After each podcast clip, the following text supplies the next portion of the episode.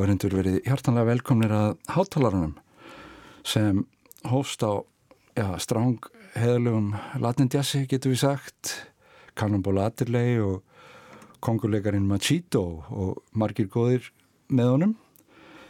Uh, Gestur minn í dag er Sigurður Flósason og það er nú kannski um leiðu ég býði velkomin að, að hérna kannski aðeins að spekulir í þessu skemmtilega lægi við vorum að velta fyrir okkur svona hvað þetta væri, hvað þetta væri og þú varst að greina þetta fyrir mig, af því ég, ég þekk ekki hvað þetta er og það, þú sagði hvað African Waltz Ég held að platan heiti það þessu útsetningar eftir þann ágæta snilling Oliver Nelson fyrir, fyrir Big Band og með Cannonball sem solista Já. Þetta er flott, þetta er rosalega skilt náttúrulega svona hardbopinu sko, latinmusikin Já, já, Cannonball var náttúrulega á kafi í, í því og, já. já Þú sagði mér líka þegar við tölum um að heitast hérna að þú hefði verið að, að lesum hann upp á nýtt. Nýbúin að lesa Æfisröðu Cannonballs, já, já. þetta er heitlandi einstaklingur. Já, já. Hvað svona, var eitthvað nýtt sem ákomst það? Getum ekki sagt að einhverjar svona upptökur og plötur sem maður hafði ekki átt að segja á og aðeins í hvaða röð hlutinni gerðust, en þetta var nú ekkit mjög lung æfi, hann var Já maður sem að glýmdi við of mikla þyngd og, og afleita sjúkdóma af því og, og hérna, æfin varði ekki mjög lang en það trublaði hans verildaldið að, að plötufyrirtækin fór ekki vel með hann alltaf og, og upptökur voru ekki gefnar út fyrir nokkrum árum síðar og það rugglaði svolítið flæðið í mm. hans svona listræna flæði á hljómplötum. Já, já. Hann hlátti hérna sterka hinkomu með Miles Davis og svo var hann náttúrulega sjálfur heimavöllur fyrir merkilega gauðra eins og Djó Savinúl og George Duke og, og fleiri. Nattatelli bróður sinn Já, já, já, það er náttúrulega lifti hans ferli á nýjan og herri stað að, að vera með mæls í þetta eitt og allt árið hvaða var sem það var. Já, um. en hann var kannski svona þegar maður lustar á þetta eins og svo vott og, og þetta dót sko, þá, þá er hann kannski ekki alveg augljós svona í það hlutverk finnst mér, hann, hann er svona hérna, ég, ég veit ekki ég ætla nú ekki að kalla hann partispilara sko, en svona meira svona rhythmablús megin sko, svona í hvernig hann nálgast. Já, já, það, það er náttúrulega það er heilmikið blús í honum mm. en hann er alltaf gladbeittur hann er já, gladbeittur já. spilari það það en það er það sem er náttúrulega kannski listin í, í, hérna, í list Miles Davis það, það er þetta með raði kringum sem mönnum og þessi mm. óvinnlið þroski að velja menn sem voru andstæður við hann sjálfan af því að, að líkur sækir líkan heim og margir hafa tilhengu til þess að velja með sér spilara sem hafa sömu eiginleikana því að smekkurinn er þannig að menn reyna þetta að spila sjálfur eins og þeim finnst það eigi að gera það og uh. laðast á að öðrum sambarilögum. Uh -huh. Miles Davis hafði þessa sérstöku gáðu, þess vegna var hann með John Coltrane með sér sem að spilaði tífalt fleiri nótur en Miles sjálfur Aha. og svo þegar ekki með þriðiblásarinn að þá er hann heldur ekki eins og Coltrane og hann er ekki eins og Miles, hann er eitthvað enn annað. Og ég held að sé það sem er á bakviða og þegar það gengur sem best upp þá er ákveðin snild í því líka. Ja. þó að auðvitað mig segja sem er segja að Cannibal hafi ekki haft sömu svona dramatísku dýft og bæði mm. Miles og Coltrane en, en hann hafði einhver annað. Já, og einhver kemistri hann á, á mellið þeirra.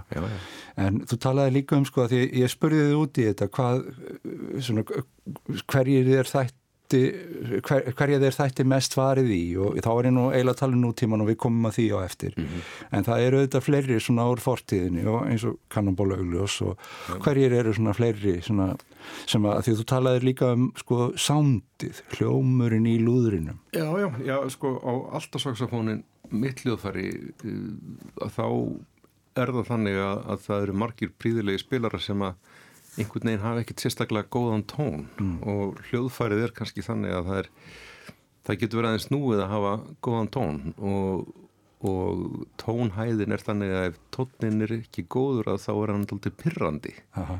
og hérna getur verið leðilegur þannig að það, það er ímsir alltista sem eru annarkvæmst bara með svona la-la tón eða jæfnvel óþægilegan tón ah. og það er ekkert mjög margir sem að hafa frábæran tón mm.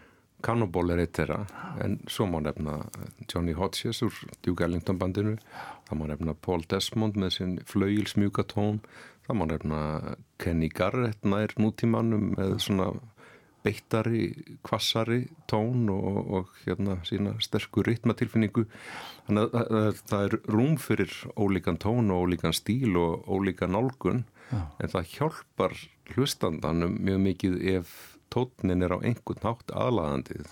Tótnin er kannski það fyrsta sem mætir manni og það er erfitt að forgámsa það, ritminn skiptur auðvitað mjög mjög máli og auðvitað lagrænt og hljómrænt inn í allt. Þetta er, uh. er margt sem þarf í öfnuna til hún gangi upp uh. en, en ef tótnin er fráhrindandi þá einhvern veginn verður eftirleikurinn erfiður þá kemst maður kannski ekki einu sinna að því að velta fyrir sér hinn um hliðan. Var það tótnin sem að sko, dróð þig að þessum lúðri frekar en stóra bróðir eða Tenórnum eða Tenórnum eða, er þú spilar náttúrulega líka á þetta allt Já, sko, en... maður spilar á þetta allt saman mm. einhverju leiti, en neitt, fyrir mig er þetta nú bara svona tilvílan, ég maður byrjaði að læra og var með allt og í höndunum og já, einhvern veginn held ég mig bara þar, ég fann mig aldrei knúin til þess að skipta yfir í tenórn eins og margir gera reynda sko, já. en mér líkaði alltaf vel við þetta hljóðfæri og já. byrjaði að snemma að hlusta á þá sem að uh, spiluðu vel eins og Hodges og Desmond mm -hmm. í byrjun Art Pepper geti ég nefnt líka svona sem úrlingur og já, fann mig einhvern veginn bara vel í þessu. Og aldrei fundið þörfinn að vera til að skipta.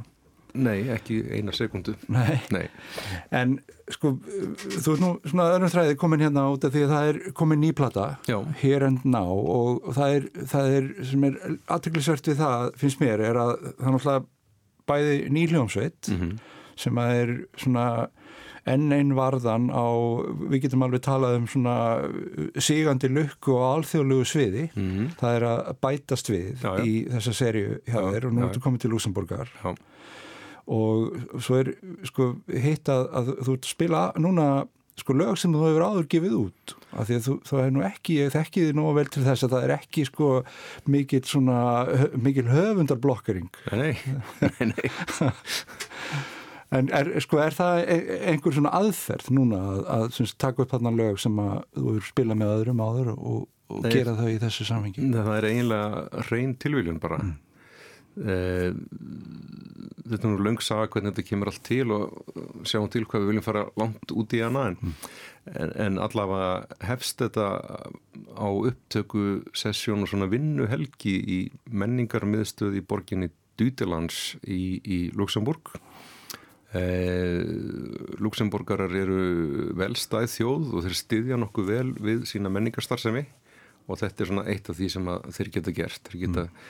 fengið svona mm, residency kallaði það eða svona aðsetur í, í svona menninga með stöð og unni þar í heila helgi og gerði upptaka líka og ég fór bara í þetta með þessum strákum eftir að við höfum kynst og var ekkert búið ákveða svona beint hvað þetta gera. Nei. og að menn voru bara svona að draga fram einhver lög og það var ekkert, var ekkert ljóstað úr þessu endilega hljómplata. Mm þannig að ég var bara svona með það sem ég hafi verið að gera síðast einhverstur annar staðar. Þannig að það var engin svona þannig hugsun á bakvið þetta. Þetta bara byrjar svona já. og svo ferða lengra. Svo vorum við aftur á sama stað og þá sáum við að þetta var einhver, einhver kemistrija sem var að virka og hérna þetta gæti orðið plata og nokkuð góður upptöku sem verður komnar og ákveðum að bæta við og þá svona fer þetta á já, já. annan stað. Þannig að þetta er alls ekkit svona einhver kalkuleruð pælingi sjálfum sér. Þó að sé að einhver leiti kannski líka gaman að prófa að taka upp hluti sem har við tekið upp áður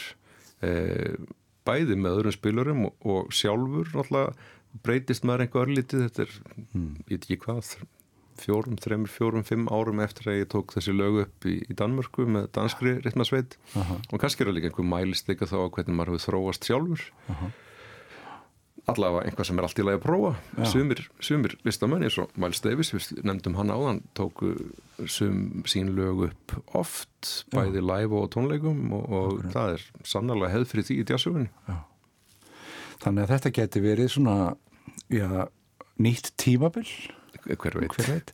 En segð mér aðeins frá, við ætlum að heyra hérna, skulum byrja því bara að heyra uh, sko opnunarlægið á þessari blötu og það er nú af því sem við ætlum að heyra, það er reyndar ekki eftir þig, það er eftir hvernig það? Það er eftir pianistan Michel Rice sem er eh, klárlega þeirra langbesti pianist og einn af þeirra alöflugustu músikandum í Luxemburg og ég myndi segja svona eftir því sem ég hef heyrt eh, einna fremstu ung pianistum Evrópu, hann er algjörlega frábæri þessi drengur.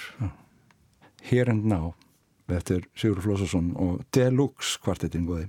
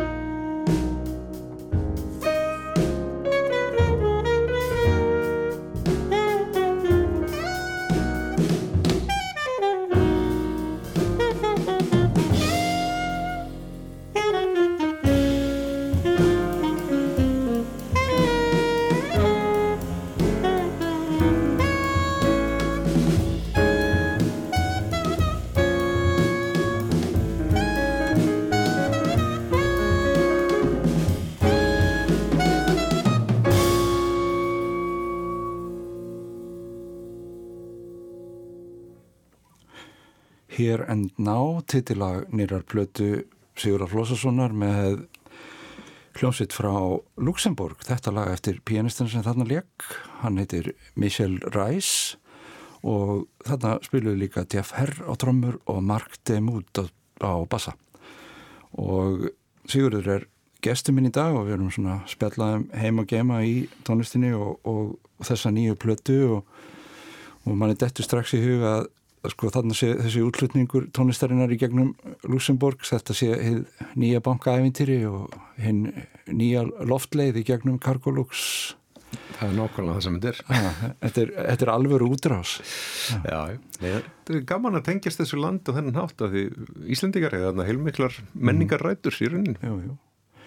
En þú, þú varst að tala um það hérna og segja mér að, sko, að þið tókuðu þetta upp svona við svona meira lifandi aðstæður heldur en að þú er kannski tamið er undanfarið. Já, ekki bara ég heldur kannski flestar jazzplötur eru gerðar þannig að það er allir að spila samtímis í stúdiói þannig að það er rauninni live spila með skagan en menn eru í sitt hvorum klefanum þannig að hver og ein upptökur á sér einágruð og ef þörfu er á þá er hægt að eiga við eitthvað eftir á gera einhvað aftur eða snirst einhvað til en þegar allir eru í sama rými og þá er allir inn á öllum mikrofónum og öllum rásum upptökunar og þá er mjög lítið hægt að breyta þá stendur þetta eða bara eins og það er mm. og það er gaman að upplifa þetta aftur ég hef gert þannig blöður þetta áður Já. en þetta er aldrei langt síðan síðast Já. og það var svona skemmtileg upplifun þetta er svona örlíti meira áhægt að jazz er náttúrulega alltaf áhægt að spunni er þess eðlis að maður veit aldrei alveg hvað gerist og það er það sem er heillandi og spennandi og ógnveikjandi í senn við, við þetta fag. Þetta er svona hálfu skrefi lengra en þegar maður er í meira svona vermduðu stúdíu einhverju. Já, fannst þú fyrir einhverju stressi við þetta eða er þetta hættur að finna fyrir því? Það kemur nú svo smálega fyrir en ég er nú tilturlega rólegur að aðeinsverði, þetta Já. er bara líka góðu drengir og skemmtilegir og gott að vera með þeim og, og líður öllum vel. Og þeir eru alltaf svona eins og þú sko með sín einn verkefni víða um heim og þú veist til dæmis að segja mig frá því að þessi pianisti hann er með svona útibú má segja úr sinni starf sem er bæði í Þýskalandu og í Japan. Já, já, hann er með japanskan kvartett sem hann spila með líklega tvísur ári í, í Japan og hann er með þýskan kvartett og, og svo er það með tríó eh, pianistinn og bassarleikarin í þessu bandi okkar með öðrum trómara sem er, er mjög aktíft, spilar mikið já. og trómarinn er með sitt eigið tríó líka, þannig að það er allir svo sem á kafi sínum eigin verkefnum mm. En er þetta er aldrei einstakt fyrir sko jazzmusík, þessi leið að, að vera með svona já, grunnbúðir viða um heim. Já, já, ég það er náttúrulega bara einstakt fyrir jazz með að flestar aðra tónlistastefnir þessar svona frjálsu ástur sem að týðkast í fæinu að, að það er allir með öllum alltaf, kannski ekki alveg alltaf, það, það er þannig að að það eru verkefni og þau hafa oft svona einhvern líftíma. Maður eh, bindur trúsitt við eitthvað fólk og það verður út í einhvað verkefni sem hefur einhvers konar ris og nýg sem getur verið langt eða stutt. Mm -hmm. og svo koma önnur verkefni og þetta skarast einhvern veginn allt saman og, og ferill manna verður oft svona einhvað ófyrirsjánlegt flæði af svona Já. verkefnum. Og það eru tiltvöla fáur sem að gera út á það að vera í einni hljómsveit eins og mann gera meður í poptónlist. Uh, og hvort er betra enn í verra þetta er bara einhvern veginn annað eðli málsins já, já. þetta er svolítið eftirsoknavert í djassunum þar sem hlutir ganga út á spuna og, og kemestríuna í samspili mm. og þá er gaman að spila með öðru fólki mm.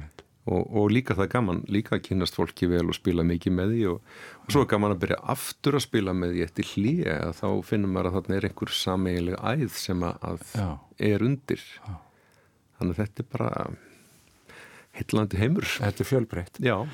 Við skulum hérna tala meira um þetta allir með öllum og, og alþjóðlega tungumál sem þessin er eða tónlistin er og, og meðan við undirbúum okkur undir það þá skulum við heyra hérna eitt af þessum lögum sem ég var að tala um áðan sem þú hljóðritaðir fyrir, já, tildulega stuttu síðan með einum frábæra kaupmanahafnar kvartiti. Já.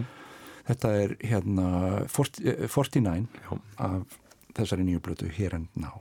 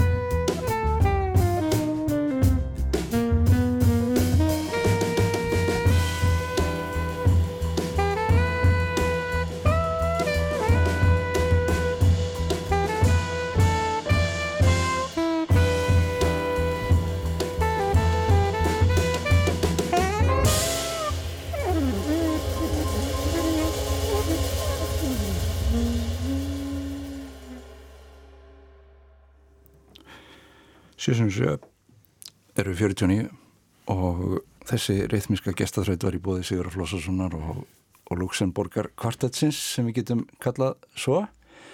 Deluxe platan sem er nýkomin út og Sigurður er hérna hjá mér í stúdíu 9 í efstaleitinu og, og við vorum aðeins að svona, tala um það að, að þetta, er, þetta er svona daldi nýr tótt, þetta er svona daldi rockaðar í nálgun mm -hmm. heldur en að þú hefur verið kannski síðan í Sálgjæslinu? Nei, Nei ah. jú, jú, það er náttúrulega samt Súmusík er náttúrulega allt örum fórsendum svona rhythm and blues grín einhverju í rauninni eh, þetta er plata það sem er ekkert sving til dæmis og, og trommari sem að er svona eh, já, náttúrulega jazztrommar en hann er svona frekar rock miðaður í sinni nálgun mm. að mörguleiti og ímsuleiti frumlegur finnst mér, það er svolítil áhrif á hvernig allt tróast og hvernig maður spila sjálfur og það er gaman að vera leiturinn á aðeins nýjar brautir þannig. Já, finnst þér sko í þínu samskiptum eins og við þá, þeir eru aðeins yngri, þeir eru nú ekki, þetta er nú engin unglömm þannig, en sko eru þeir eitthvað að greina þetta?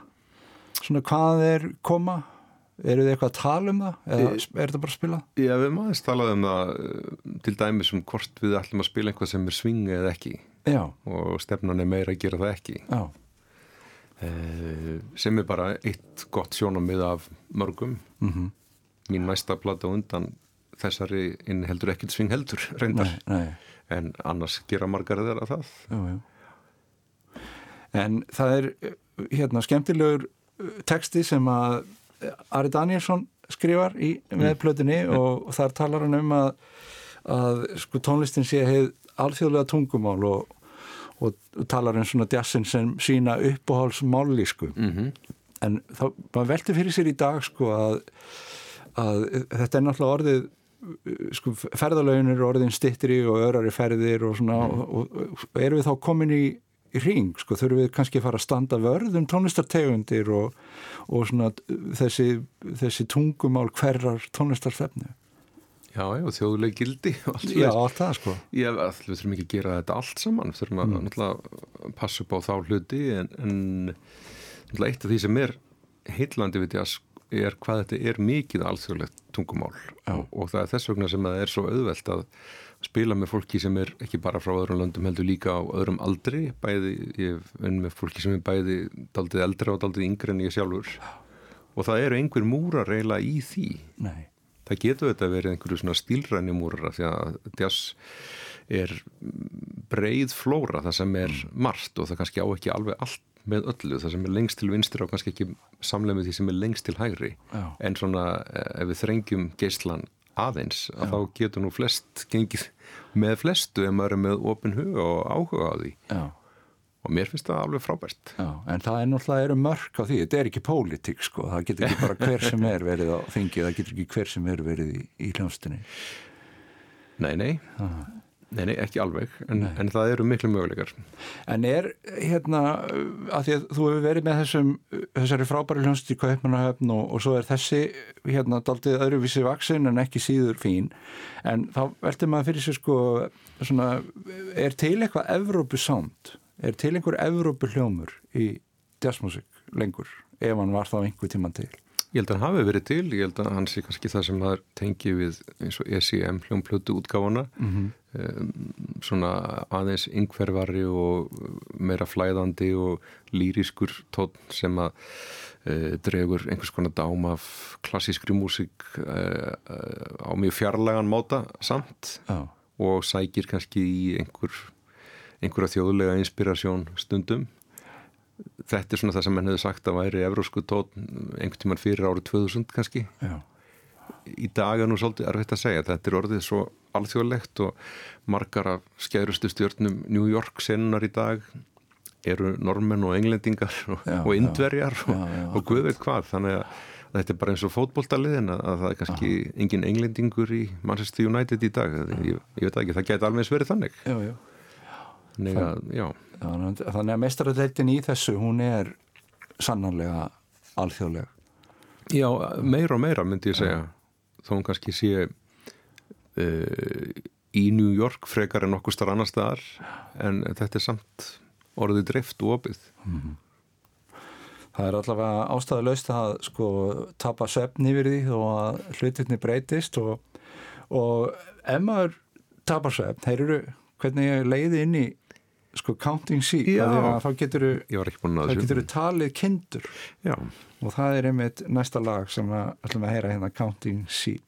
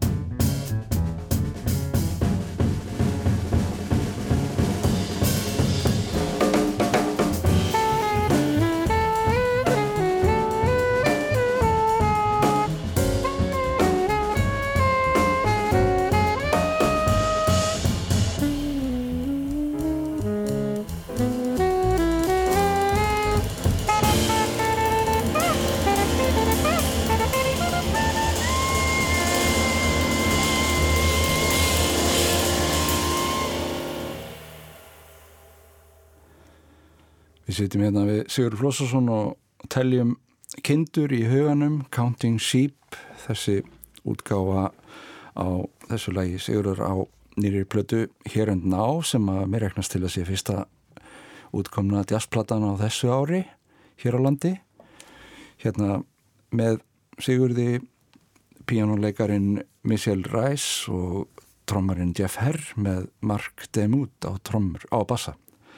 Counting Sheep og Sigurður við vorum að hugsa um það hérna, eða ræðum það fyrir þættinum að, að þessi sko þessar nýju útgáður á, á svona eldri lögum mm -hmm. þó þau séu nú ekki gömul mm -hmm. um, sko þú veist að lýsa því svona að, að fá nýtt input í, með nýjum spilafélögum og en hvað sko blæsið er einhverja andagift í brjóst í sambandi að semja nýlög að hlusta þessi svona já, en kannski ekki síður að spila músikina sem er eftir þessa félaga mína já. og svona kannski heldar yfirbræðið á, á þessu verkefni eh, held ég að verði mér kvartning til þess að gera einhverja nýja luti já.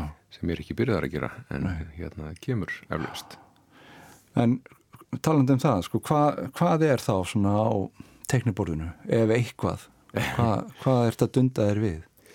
Eh, ekkert kannski alveg sérstætt ég er að, að fara allir Þískalands núna eftir tvær vikur að, að spila með konu sem hefur komið yngan okkur með þetta Marja Baptist. Já, stórsveitar hóringin Já, já, ég er að fara að spila sem eða sólisti með hennar byggbandi og kvartett og dúó tónleika með, já, með já, henni. já. um, Svo er framöndan einhverju tónleikar með næstu blödu og undan þessari sem er með sænsku tríói. Lars Jansson og, já, já. Um, en svona engin ný hljóðrutunarverkefni á teknuborðinu en það kannski komið gott í bíl Já, ég menna einu ári maður fer nú í gegnum sko svona já, æfi feril þekktur og djastleikara og það er nú ekkit sjálfgeft sko að það sé einn, tvær ári og, já, já. og þá bara svona soloplutur og svo allt hitt sko. já, og það má nú kannski rifja það upp og þú ert nú að fást við eitt og annað líka. Þú ert hérna professor í rithmiskum fræðum við, við menturskóli í tónlist ekki sann? Jú, eiginlega við listaháskóla Íslands líka í nýja kennaranáminu í rithmiskri tónlist sem er, er þar. Já. Já, þannig að maður er að fást við ímislegt eins og alltaf, þannig að íslenska reglan svolítið að vasast í öllu og reyna að halda öllum boltum og lofti. Já Er það kveitjandi eða ver, verður það þreytandi? Finnst þér þú að smyrjaði þund?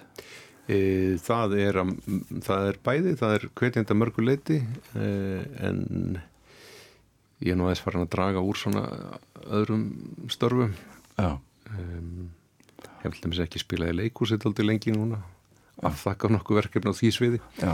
eins og það er nú gaman líka að, að starfa þar en það er bindandi það er bindandi já, já. og það, það trubla mig nú orðið svolítið sko. en við byrjuðum þetta á því að tala um, um svona já, spennandi hérna vopnabræður þína mm -hmm. getur við sagt, byrjuðum á Cannonball og, og ég spurði þig líka út í svona hver í dag mm -hmm. hver væri svona aðtiklisverður því að maður er nú að reymbast við að læra eitthvað nýtt sko, mm. og það er nú mjög auðvelt að missa af já, já. góðum góðu tónstafólki í, í ringrásinni sem er í kringum okkur. Og þú nefndir eitt nafn, segð okkur aðeins frá honum. Já, Will Vinson er uh, breskur alltafsaksamleikari sem býr og starfar í New York og hefur verið þar nokkuð lengi og tengist svona um, hópi manna sem er orðin ansi framalega þar og er reynda daldið alþjóðlegur. Fólk eins og pianistin Aaron Parks og, og norski gítarleikarin Lager Lund uh, bassarleikarin Orlando La Fleming Já. um, og, og margir fleiri uh, þetta er svona kynnslóð sem er hérna að ná eirum víðari hóps um, og, og þegar mann komast hangað í New York þá er þið náttúrulega búin að vera að streða þar daldi lengi yfirleitt sko. en Will Vinson hefur svona þessa eiginleika að hann er skapandi og, og greinlega leitandi og, og tónsmíðarlega áhugaverður uh, afbröðflinkur spunamadur en hefur þetta sem ekki allir allt og samanleikur hann er með góðan tón. Mm. að maður hérna maður lokar ekki fyrir útarpið eh, af þeirri ástæðu. Nei, þannig að það er aftur komið við að því, þetta er það er líkiladrið, það sé fallegur og, og áhugaverður tón. Já, allavega áhugaverður. Það þarf ekki nöðsynlega að vera fallegur en það þarf að hafa einhvern persónleika, það þarf að vera aðalagandi á einhvern hátt. Getur, það getur verið mjög vítt svið í sjálfu sér. En, en tónin er náttúrulega röttin og svo blandastu þetta allt hitt inn í.